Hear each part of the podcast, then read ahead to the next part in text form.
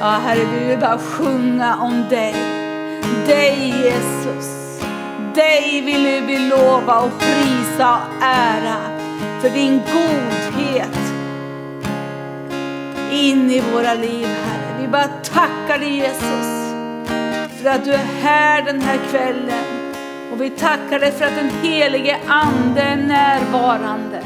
Den helige Ande som är vår hjälpare i alla avseenden. Jag bara tackar dig för att den helige Ande ska visa att Jesus är stor och mäktig in i våra egna liv. Jag bara tackar dig Herre för att en beröring av den helige Ande.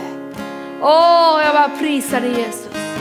För du är bara där och du bara liksom låter din Andes vatten komma och genomsyra oss. Åh, rabakeya labashindi relibehindi. Kabrasaya labahandor och lobondo.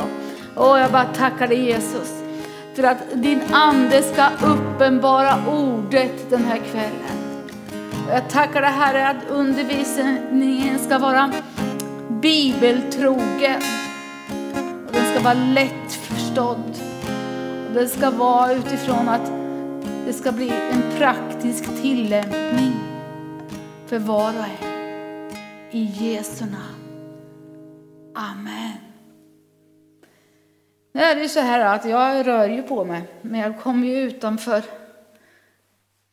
själva tvn där. Så att om ni ser att jag försvinner ut så beror det på att jag är, dras åt alla håll där det finns människor. Men jag är närvarande för dig ändå, för du hör mig. Tack Jesus. Ikväll så ska jag tala lite grann om den helige ande. Den helige ande är ju din och min bästa vän. Han är ju eh, vår bästa vän och han är vår hjälpare i, i vår vandring. Liksom i vår vandring med Jesus och i vårt egna liv så vill han vara där och vara en hjälp eh, i, i allt det vi gör. Och eh, han vill ju inget hellre än att du och jag ska få ett möte med Jesus. Det är hans mål. Att, han ska, att vi ska möta Jesus. För att när vi möter Jesus, då händer det saker och ting in i ditt och mitt liv. Vi blir inte de samma, utan vi förvandlas. Och vi ska gå till ett bibelord från Hesekiel 36. Ekar det för att den här ligger här eller? Jag tycker det är det är rundgång. Fredrik, jag tycker det blir rundgång.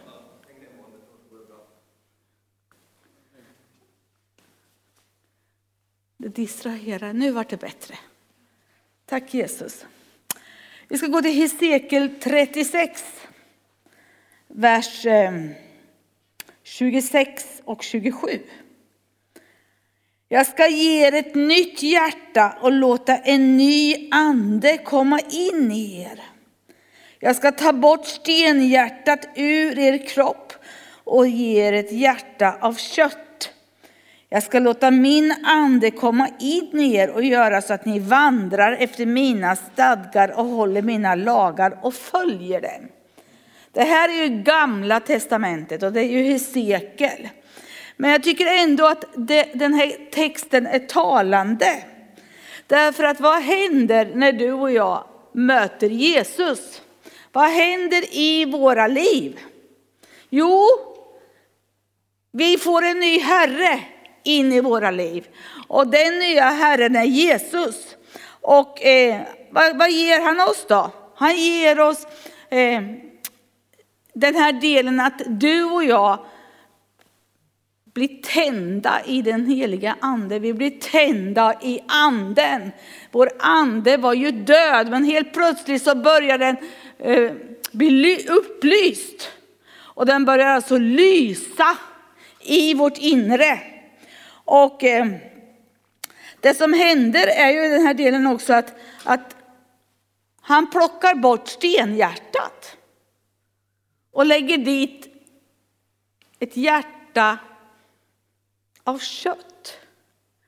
Och jag, jag, tänker så här att den här delen, för mig var det otroligt betydelsefullt när jag tog emot Jesus.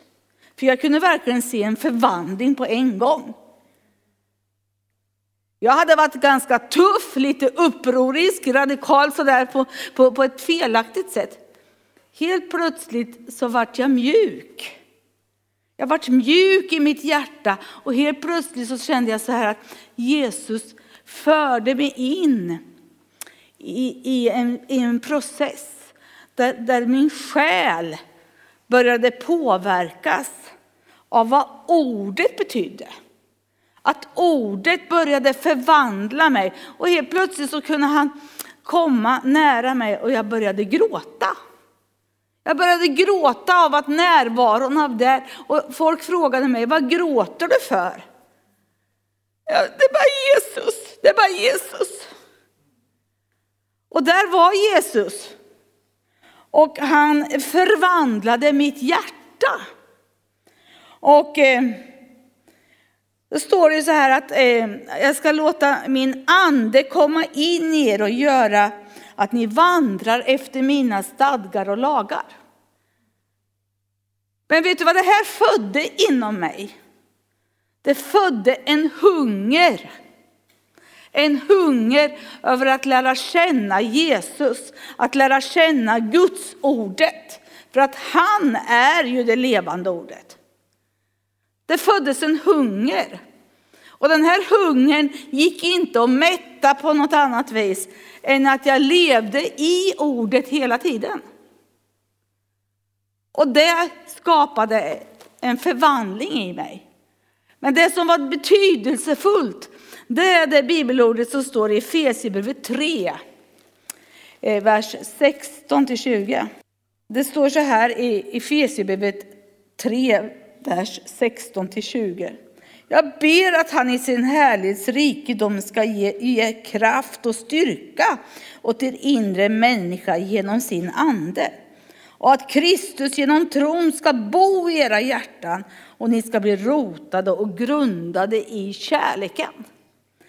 Och eh, ni ska då tillsammans med alla de heliga kunna förstå bredden, längden och höjden och djupet och lära känna Kristi kärlek som går långt utöver vad någon kan förstå. Så ska ni bli helt uppfyllda av Guds fullhet, av all Guds fullhet. Han som förmår göra långt mer än vad vi ber om eller tänker genom den kraft som mäktigt verkar i oss. Och här handlar det om att jag blev medveten om att det var inte bara min själ som var där. Utan det var en invärtes människa. Den invärtes människan som hade kontakt med levande Gud. Som började förvandla mig och började tala om kärleken. Just den här delen att hade man haft, jag hade ganska mycket förkastelse i mitt liv. Och att känna sig förkastad innebar att även om människor visade kärlek till mig och att jag var betydelsefull så upplevde inte jag det. Jag kände inte det. Utan det Gud började göra, det var att hans kärlek började operera i mig. Och började liksom eh, plocka bort den här ensamheten, den här förkastelsen, den här skulden, den här skammen. Och helt plötsligt så började jag förstå liksom att den helige ande var där och ville att jag skulle bli rotad i Jesu kärlek. Och rotad i Jesu kärlek handlar om att jag fick tag i den här eviga kärleken. Det står i Johannes 15 och 9. Jag älskar dig, bli kvar i min eviga kärlek.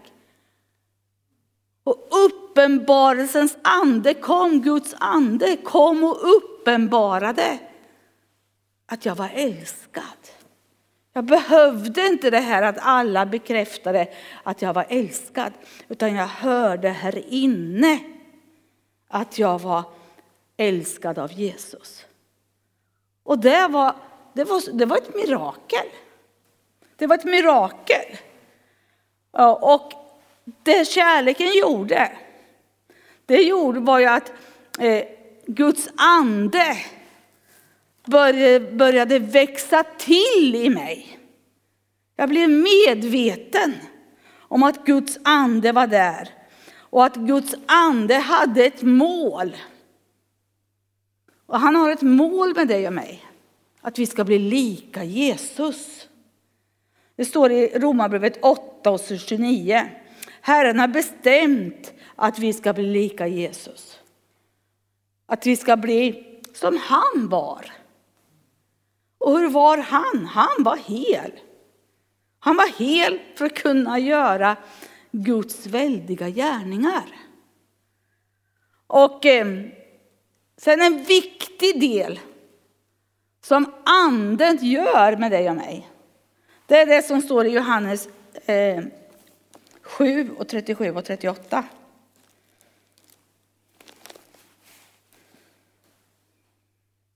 Då står det, på den sista dagen, den största i högtiden, stod Jesus och ropade, om någon törstar så kom till mig och drick. Och den som tror på mig, ur hans innersta ska levande vattenströmmar flyta fram. Så som skriften säger. Du vet, du och jag törstar. När Jesus har flyttat in i våra liv så finns det en törst och det finns en hunger av mer av Jesus. Och den törsten, det är den helige andes smörjelse, hans närvaro som vi kan dricka utav. Som vi kan liksom leva i. Var vi än är, var vi än befinner oss, så kan vi dricka av det vattnet. Och det liv ger oss. Det ger oss liv. Du vet, om du och jag är törstiga när det är varmt ute. Den törsten, den liksom, jag känner jag måste dricka, jag måste dricka massor med vatten behöver jag dricka. Och sen efter en timme så är vi lika törstiga igen. Vad beror det på? Därför det är inte det vattnet som tillfredsställer din och min ande, utan det vatten som tillfredsställer din och min ande, det är det levande vattnet. Och det naturliga vattnet tillförs kroppen, som också är betydelsefullt. Men det kan inte vara det som, det som hela tiden är tillfredsställande för dig och mig, utan det är det levande vattnet från Jesus som, som mättar törsten ifrån, som, som, Gud, som Gud har lagt ner i våra hjärtan. Och eh, det står ju så här också i Galaterbrevet kapitel 4, vers 6 och 7. Då står det så här. Och eftersom ni är söner har Gud sänt i våra hjärtan sin sons ande som ropar Abba fader. Så är det inte längre slav utan son och du är son och du är också arvinge insatt av Gud. Du vet, det gör den helige ande.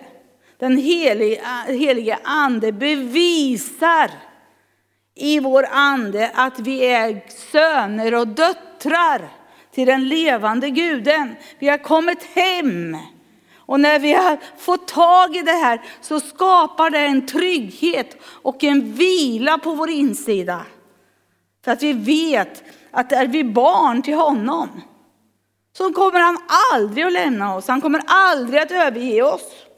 Han kommer ständigt att vara där för att uppmuntra oss, hjälpa oss och leda oss. Och vad skapar det i dig och mig? Det skapar en visshet om att han är nära hela tiden. Att han vill dig och mig väl. Och eh, det är också så här vet du, att den, den helige ande är ju vår hjälpare. Och han vill hjälpa oss och påminna oss om allt det som Jesus har sagt och gjort. Om du går till Johannes 14, Då står det så här i vers 26. Men hjälparen, den helige ande som Fadern ska sända i mitt, han ska lära er allt och påminna er om allt vad jag har sagt er. Alltså, där har du någon som verkligen är en hjälpare som vill påminna oss vad ordet säger. Och många gånger är det så här när han påminner om vad ordet säger så handlar det om att du och jag får vända oss till honom i bön. Vi får börja att bedja. Och om du går till Romarbrevet kapitel 8.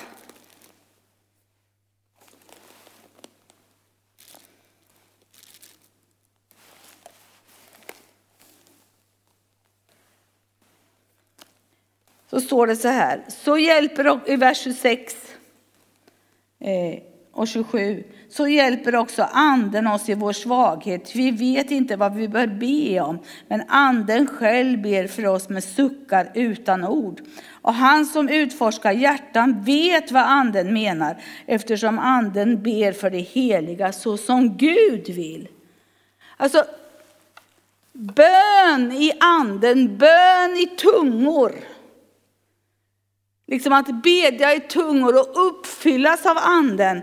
Eh, i, när jag tittar på mitt egna liv så är det en förutsättning för att hålla kärlekskontakten med Jesus levande. Att jag liksom vet att då han är där. Och att han talar till mig. Och att jag vet att när jag ber i tungor och låter mig bli uppfylld av, av att, i tungotalet, och prisa honom i tungor. Så vet jag också att det är det som manar bäst för mig inför Gud, det som Gud vill. För det är inte alltid jag vet hur jag ska be. I de flesta ögonblicken så vet vi inte ordentligt vad vi ska be. Utan då kan, behöver vi ha andens liv som kan uppenbara för oss hur vi ska be. Och att han också han vill uppenbara det som Gud har förberett för oss. Och eh, det här gör ju också att du och jag vill, vi vill ju vara läraktiga. Vi vill lära oss av Jesus och vi vill lära oss av vad ordet säger och vi vill lära oss av vad anden manar. Och jag tycker det är så härligt det här som står i Lukas 10, vers 40-42. Eh, vi kan läsa ifrån vers 38. Lukas 10, 38 fram till 42. Jesus hos Marta och Maria. Medan de var på väg gick Jesus in i en by där en kvinna som hette Marta tog emot honom i sitt hem. Hon hade en syster Maria som satt vid Herrens fötter och lyssnade till hans ord. Marta däremot var helt upptagen med allt som skulle ställas i ordning och hon gick fram och sa, Herre, bryr du mig inte om att min syster har lämnat mig ensam och sköta allting? Säg nu till henne att hon hjälper mig. Herren svarade henne, Marta, Marta, du gör, dig, du gör dig bekymmer och oroar dig för mycket. Men bara ett är nödvändigt. Maria har valt den goda delen och den ska inte tas ifrån henne. Och eh, här ser vi ju hur Maria satt vid Jesu fötter. Och eh, hon var läraktig, hon ville lära sig av vad Jesus talade. Vad skriften sa. Och Maria, eller Marta, hon höll på med alla möjliga sysslor. Och eh, jag vet hur det är att hålla på med alla sysslor, för jag är en sån person. Jag har eh, massor med järn i elden hela tiden och tycker om att fixa och dona. Men jag har lärt mig en sak. Att det är tillåtet att göra det. Men jag behöver ta tid för att sitta med Jesus. Så att jag får in det först och främst. Därför att då kan jag involvera honom i de praktiska göromålen. Jag kan involvera honom in i minsta detalj. Och han är, en, han är verkligen en hjälpare som vill hjälpa till.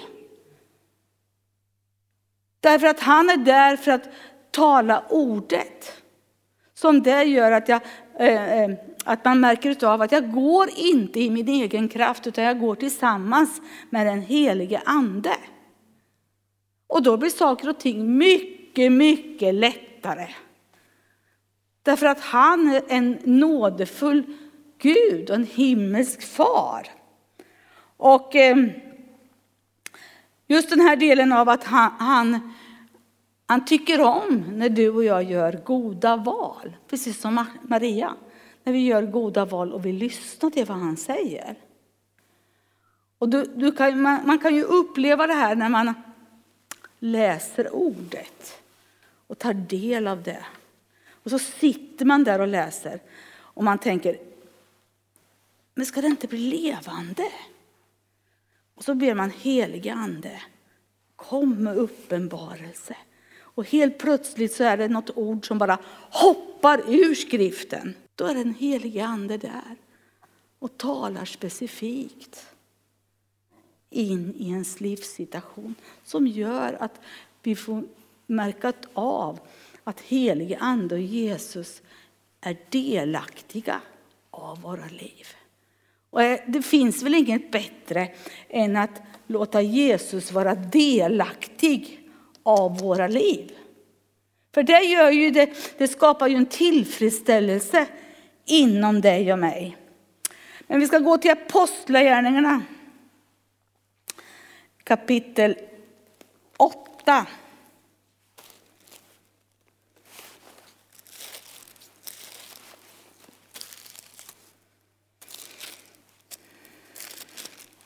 Jag tycker apostlagärningarna är härliga för det talar om hur, hur, hur lärjungarna höll på och eh, predikade om Jesus och omvändelse att man skulle bli fylld med den heliga ande och en det ena, en det andra. Men det var fantastiskt. Men nu ska vi läsa Apostlagärningarna kapitel 8, vers 25, 26 till och med vers 39.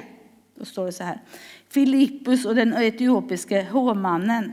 En Herrens ängel talade till Filippus. Gå vid middagstiden ut på vägen som leder från Jerusalem ner till Gaza. Den ligger öde. Eh, ser du ängeln var detaljerad. Och Filippus stod upp och gick och se, då kom en etiopisk hovman som var enuk och hade uppsikt över skattkammaren hos den etiopiska drottningen Kandase. Han hade kommit till Jerusalem för att tillbe. Det var väl någon stor person antar jag. Och, eh, och, han var nu på väg tillbaka och satte sig i sin vagn och läste profet, profeten Jesaja. Då sa anden till Filippus, gå fram till vagnen och håll dig tätt intill den. Filippus skyndade fram och när han hörde honom läsa profeten Jesaja frågade han, förstår du vad du läser? Mannen svarade, hur skulle jag kunna det om jag inte någon vägleder mig? Och han bad Filippus stiga upp och sätta sig bredvid honom. Skriftstället som han läste var detta, liksom ett får som förs bort att slaktas och liksom ett lamm som är tyst inför den som klipper det, öppnar han inte sin mun. Genom hans, hans förnedring blev han, hans dom borttagen. Vem kan räkna hans släkte? Till hans liv togs bort från jorden. Det var ju gamla testamentet Jesaja. Hovmannen sa till Filippus, jag ber dig, säg mig, vem är profeten som talar om det, om det här, om sig själv eller någon annan? Då tog Filippus till orda och började utifrån det, detta skriftställe predika evangeliet om Jesus för honom. När, han, eh, när, när de nu färdades vägen fram kom de till ett vatten och hovmannen sa, se här finns vatten, vad hindrar att jag blir döpt? Han befallde att vagnen skulle stanna och både Filippus och hovmannen steg ner i vattnet och Filippus döpte honom. När de hade stigit upp i vattnet ryckte Herrens ande bort Filippus och hovmannen såg honom inte mer men fortsatte glad sin resa. Filippus kom till Astod och gick omkring och predikade evangelium i alla ställen tills han nådde Caesarea. Det här tycker jag är så fantastiskt. För här eh, använde Gud Filippus så att eh, den helige ande fick komma Och, eh, så att han fick lära känna vem som var vägen, sanningen och livet, att det var Jesus. Och att han behövde bli frälst och att han behövde bli döpt. Och han fick också tag i att vad korset betydde, vad Jesus hade gjort på Golgata kors. Och han fick också höra talas här om Jesu hjärta. Här förstår du och jag att liksom den helige ande vill inget hellre än att öppna ordet för dig och mig. Så att vi förstår vad vi läser. Så vi lär känna honom och vi känner igen Jesus. Oavsett vad du och jag möter på. Ibland tänker jag så här. Eh, det händer att jag, jag har förbönsamtal med människor. De ringer på telefon och jag ber för dem. Och eh, de kan vara i väldigt svåra livssituationer och eh, ha mycket sorg och smärta och är sjuka i sina kroppar. Och eh, därför att de har lidit i så många år och haft så mycket lidande i sina liv och det kan vara trasiga relationer än det ena än det andra.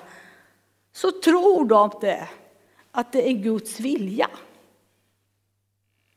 Att det är Guds vilja att han tillåter att, att livet är dåligt. Och det här handlar ju om att man inte känner igen skrifterna. Men, men att det är så här, jag brukar säga så här, vet du, Jesus är inte sån. Han kommer inte med lidandet, med, med sjukdom och med, med psykisk ohälsa, utan han vill förvandla. Han vill befria, han vill hela de slag som du har fått. Genom, genom Guds andes kraft vill han bota dig. Och just den här delen av att att förstå den här delen att den helige ande vill uppenbara ordet för oss. Att Guds natur, Jesu natur, den helige andes natur, det är ju treenigheten. Det står bara för det som är gott. Det står ju i Apostlagärningarna 10 och 38 att Jesus gick omkring och botade alla som var under djävulens våld. Och det är en frukt av hans lidande. Och det här vill ju den heliga ande uppenbara för dig och mig så vi blir trygga i oavsett vilken situation vi möter på. Så vet vi att Jesus vill liv. Han vill inte att vi ska dö i förtid. Han vill att vi ska ha ett gott liv där vi får vandra i gemenskapen tillsammans med Jesus. Men vi har inte fått något löfte om att det inte ska komma attacker. Men vi har fått en rustning för att kunna stå emot de här attackerna. Men Jesus vill ikläda oss sin kärlek först och främst. Och den helige ande vill, vill bekräfta kärleken och att den, vattnet är där så vi får vara uppfyllda av det tillsammans med Jesus. Och eh, det är också så här att eh, eh, Ehm, ifrån Hebreerbrevet 4 och 12 så står det så här att till Guds ord är levande, skarpare än något tvegat svärd, så det åtskiljer själ och ande och märg och ben och det är en domare över hjärtats uppsåt och tankar. Det vet vi ju att, vad, vad innebär det ordet? Alltså ordet, Guds ordet skiljer på det naturliga den, den naturliga kunskapen och den andliga kunskapen. Det är två skilda saker. Och vi behöver förstå att Jesus och den helige ande talar utifrån ordet. De levande gör ordet. Så att ordet, Jesus är ju det skrivna ordet, att vi ska bli uppfyllda av honom och fyllda av hans kraft. För att kunna göra Guds vilja där du och jag går fram. Och just den här delen av att när vi lär känna Jesus, när vi lär känna den heliga ande, då får vi också tag i den här delen av att att Guds andes natur har att göra med andens frukter. Andens frukter står det om i Galaterbrevet 5 och 22. Att det är kärlek, frid, glädje, återhållsamhet, självbehärskning. Det är, natur, eller är andens natur som blir levande för dig och mig. Och när, när, när du och jag vandrar med Jesus och vandrar tillsammans med Guds ande så får vi de här frukterna in i våra liv. Och vi vet, vi lär oss att vandra i den heliga andes smörjelse. Så vi tillåter inte att köttet tar över. Utan det är andens liv, för vi vill vara lik Jesus i alla avseenden. Vi vill sätta spår där vi går fram. Vi vill liksom att, att människor ska få möta Jesus. Jag tänkte det, jag hade en, en härlig lördag. Hade jag i lördags. Jag hade besök av mina två bröder. En som är tre år äldre och en som är tio år yngre. Och eh, vet inte om de ser mig. Men okej, okay, jag står för det här. Eh, och det var så härligt, för vi möttes. Och eh, jag har ju haft kontakt med honom, pratat med honom på telefon och så brukar vi träffas ungefär en gång om året. Men min lillebror, han har inte varit och besökt mig på 17 år. När jag pratade med honom i telefon. Och eh, då hade vi liksom fixat till så vi skulle liksom träffas hemma hos oss. Eller där jag bor. Och så kom de dit. Och det, det, var, så, det var så häftigt alltså för att jag vet ju inte, jag vet inte mina bröders vandring med Gud. Fullt ut, det vet jag inte. Men när vi började prata så handlade det bara om Jesus och ordet och vad den heliga ande gör. Det var liksom stöpta i samma form. Varför då? Jo, därför att vi hade umgåtts med Jesus alla tre på varsitt håll.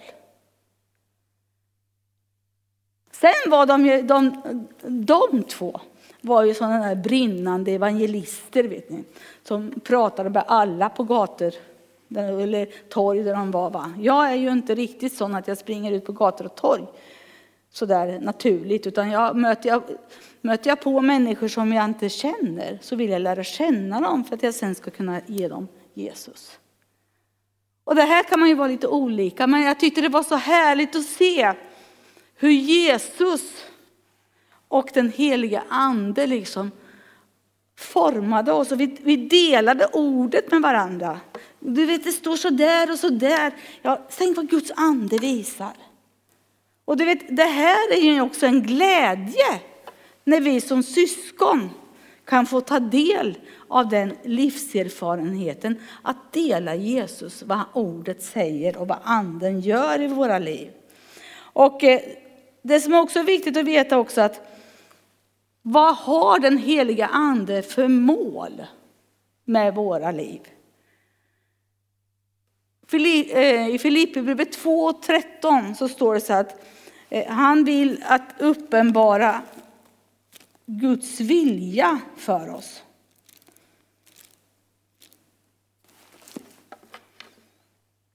Till Gud, vers 13, ty Gud är den som verkar i både vilja och gärning för att hans goda vilja ska ske. Det är Guds ande som gör det. Han vill inget hellre än att Gud ska få verka i oss. Och att han verkar in i vår vilja och i vår gärning. För att Guds vilja ska ske. Han vill ju liksom använda dig och mig. Att vi ska få vara de som är hans söner och döttrar. Men ändå få vara hans kanaler till människor. Till människor som behöver Jesus. Alla människor behöver Jesus. Eh, men han, han vill inget hellre än att, liksom att, eh, att vi ska förstå den här delen av att den heliga ande är där för att eh, vi ska vara bedjare. Så vi kan bedja fram det som finns på Guds vilja. Eller det som finns på Guds hjärta. Så vi kommer in, varje person kommer in där den ska vara. Och alla ska inte vara stöpta och likadana. Utan vi ska vara olika. Och så blir vi som en, en blomstrande bukett. Som doftar Jesus. Och eh, jag skulle vilja säga så här. Han vill inget hellre än att vi ska blåsa liv i det som Gud har gett oss att förvalta. Genom ordet och anden, genom den heliga ande gör för oss, så vill han att vi ska liksom blåsa liv i den nådegåva han har gett. Och det kan du gå till andra Timoteus brev. Eh, då står det så här ifrån vers, vi kan läsa från vers 6, andra Tim 1 och 6 och fram till vers 10. Därför påminner jag dig om att låta den Guds nådegåva flamma upp igen som finns i dig genom min handpåläggning. Ty den ande som, som Gud har gett oss gör oss inte modlösa, utan är kraften, kärleken och självbehärskningens ande. Skäms alltså inte för vittnesbördet om vår Herre och inte heller för mig, hans fånge, utan bär också du ditt lidande för evangelium efter den kraft som Gud ger. Han har frälst oss och kallat oss med en helig kallelse, inte på grund av det som vi har uträttat, utan i kraft av sitt beslut och sin nåd, som han har gett oss i Kristus Jesus för evighet. Och som han nu har låtit uppenbar, bli uppenbarad när vår frälsare Kristus trädde fram. Han har gjort slut på, på döden och fört liv och odödlighet fram i ljuset genom evangelium. Åh, du vet vilken sprängkraft vi har på insidan. Om vi vågar handla på det och vågar se att anden är där, att anden är utgjuten i våra liv. Där du är, där är Guds ande. Vilken trygghet! Och den Guds ande, han hjälper dig och, i, dig och mig i vardagliga sysslor. Så att vi ska bli, liksom våga ta större steg tillsammans med Jesus. Och det tycker jag är så skönt. Att han hjälper mig i de små sakerna. Han hjälper mig på kontoret. Han hjälper mig när jag ska klippa gräsmattan hemma. Han hjälper mig när jag målar altan. Då sa han, var försiktig, var försiktig, var försiktig där och där och där så du inte kladdar. Ta inte lika mycket färg. Och då kan man tänka, det kan du tänka ut själv. Nej, jag tänkte inte på det. Men den helige ande var där och tänkte på det. För det, det, det är ju i de där små sakerna jag lär känna Jesus. Hur talar han till mig? Så jag kan ta större steg tillsammans med honom. Jag vet inte hur många gånger, jag bor ju på landet, hur många gånger han har sagt Lugna ner dig, kör inte så fort för här framme är det rådjur. Och mycket riktigt när jag kommer fram så står det rådjur där framme. Det är ju bara han som ska ha all ära. Och varför, varför vill han hjälpa dig och mig i, i det lilla? Jo, därför att vi är förtroendevärda för större saker. Större saker. Så att vi också kan veta om att vi har en, fått en helig kallelse. Där han rustar oss i den helige andes smörjelse. För att vara fruktbärande av Jesu lidande och död och uppståndelse till andra. Och eh, det är den heliga ande som hjälper oss med allt det här. Eh, men han har gett oss eh, ett förvaltarskap, den helige Ande. Ett förvaltarskap att förvalta där jag har fått att förvalta ifrån honom. Och det förvaltarskapet gör ju liksom att hungern hela tiden, törsten får hela tiden vara där. Så att jag får erfara att jag vandrar med Jesus. Jag kommer ihåg när jag skulle gå bibelskolan här 1900 Eh, 87 gick jag bibelskolan. Och eh, jag hade en sån längtan efter mer av Jesus. Och jag fick vara med och erfara att Jesus gjorde saker igenom mig där jag bodde. Men jag hade en sån hunger efter Jesus. Så ett halvårs tid när jag skulle åka till jobbet, jag jobbade som frisör på den tiden, jag hade tre mil till jobbet, så bad jag i tungor. Och jag kunde inte förstå varför jag bad i tungor så, så jättemycket. Men jag hade det här löftet om att anden manar i oss med suckar utan ord. Det som Gud vill. Och jag bad i tungor och jag grät inför Gud. Och jag liksom suckade inför Gud. Och jag bad ut, Gud din vilja, inte min vilja. Jag vet, jag vet inte vad jag vill. Men sen, när, det här, när jag hade hållit på ett halvår, så bara kunde jag se på insidan, jag behöver rustas, jag behöver rustas. Och då kom jag hit till bibelskolan 1987. Och det var liksom den, Guds andes verk. Det var ingenting som jag hittade på. Utan det var den helige ande i mig som manade i mig att jag skulle gå bibelskolan. Och du vet, jag vill säga till dig att du ska ha förtroende för den helige ande. Ha förtroende för, för honom, för han vill hjälpa dig och mig med allting. Om du tänker på det som står, ska avsluta med det bibelordet så står det i Apostlagärningarna 3 om Petrus och, Johan, eh, Petrus och Johannes. Då står det så här i Apostlagärningarna 3 om Petrus och Johannes. Då står det så här från vers 1 till och med vers 10. Det är mycket bibelord här nu. Petrus botar en lam man. Petrus och Johannes var på väg upp till templet vid tiden för bönen.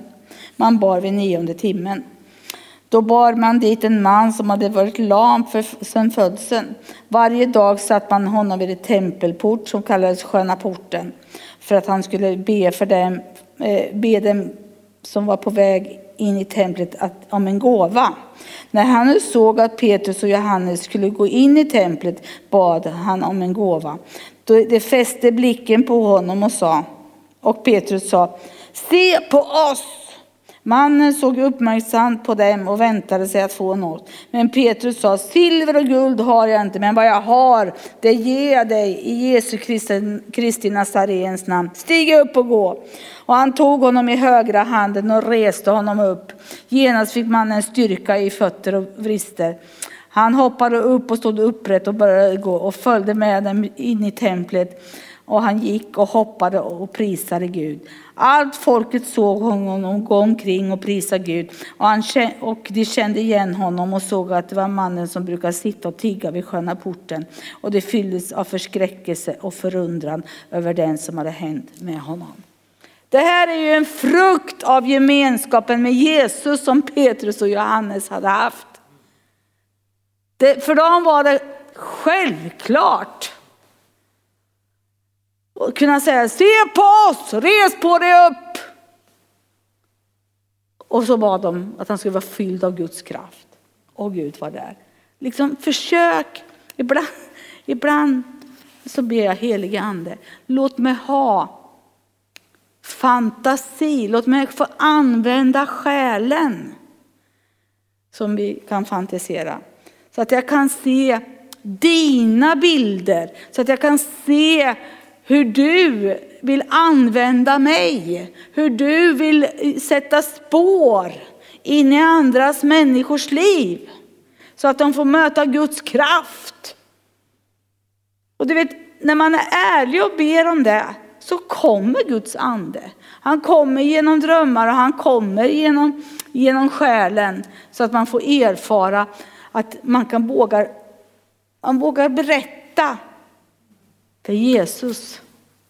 Du behöver ju inte springa och berätta för alla. Utan du kan berätta för Jesus där du ser dig själv i. Och jag brukar gå ut i skogen. Vet du. Jag talar till träden i skogen. Fortsätt att väx i namnet Jesus. Du ska inte dö, du ska leva ja, titta på mig och tycka jag är konstig. Men vet du, man behöver liksom få, få ha, har du, man behöver liksom få erfara den här delen av att jag kan eh, ex, få ur mig det Jesus visar på min insida. Och då kan jag tala. Och det får liv i namnet Jesus. Tills jag ser att förmågan att Gud har liksom smort mig så att jag kan använda det på de människor som Gud för in i min väg. Så det är lite grann av, eh, av vad den heliga ande vill göra. Och han vill inget hellre än att vi ska få erfara Guds kraft så vi kan vara uppfyllda av honom själv. Så vi kan sätta spår där vi går fram. Och tänk vad många härliga olika spår det blir av Jesus där vi går fram. Amen. Nu hade jag tänkt så här. Jag hade tänkt att vi skulle be att den helige ande kommer och uppfyller oss med Guds kraft. Eh, det är så här att eh,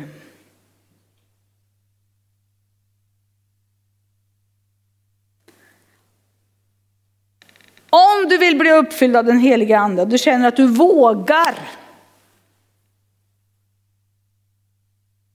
Så får du komma fram och ställa det här på rad så ska vi smörja det med olja och förlösa Guds kraft.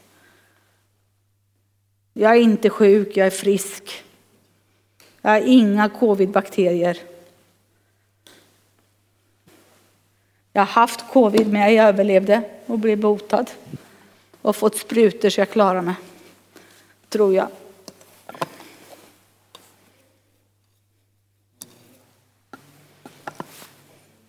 Vill Lars vara med?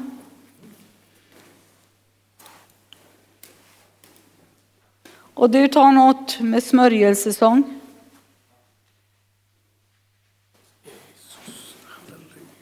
Halleluja, vi tackar dig Jesus. Halleluja. Helige Ande, korale behinder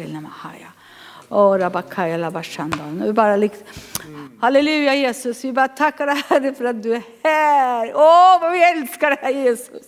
Vi älskar när din ande vill röra vid oss och sätta sprätt i oss. Åh, oh, vi bara går emot all den här segheten som den här corona har haft över våra liv. I Jesu namn. Och vi bara fäller, släpp ditt grepp för att vi är fria i den heliga ande. Att dricka dricka och bli så fulla av den heliga Ande så att vi erfar, åh vad gör han med mig? Vad gör han? Åh, vi får bli, bli druckna av den heliga Andes vid i Jesu namn. Åh, rabashokora labashindi lelebehindi. Tack Jesus, kora labahanda. Tack helige Ande för att du har rör Åh, bara fyll, fyll med. Åh, rabakile lebehindi. Abrakeya labasanda. Åh, rabakeya. Bara gå emot all smärta, bara släpp. I Jesu namn, i Jesu namn. Åh, kom heligande. Kom heligande, bara fyll henne Herre. Åh, bara fyll henne Herre. Åh, rabakeya labahanda. Åh, torkan bara få släpp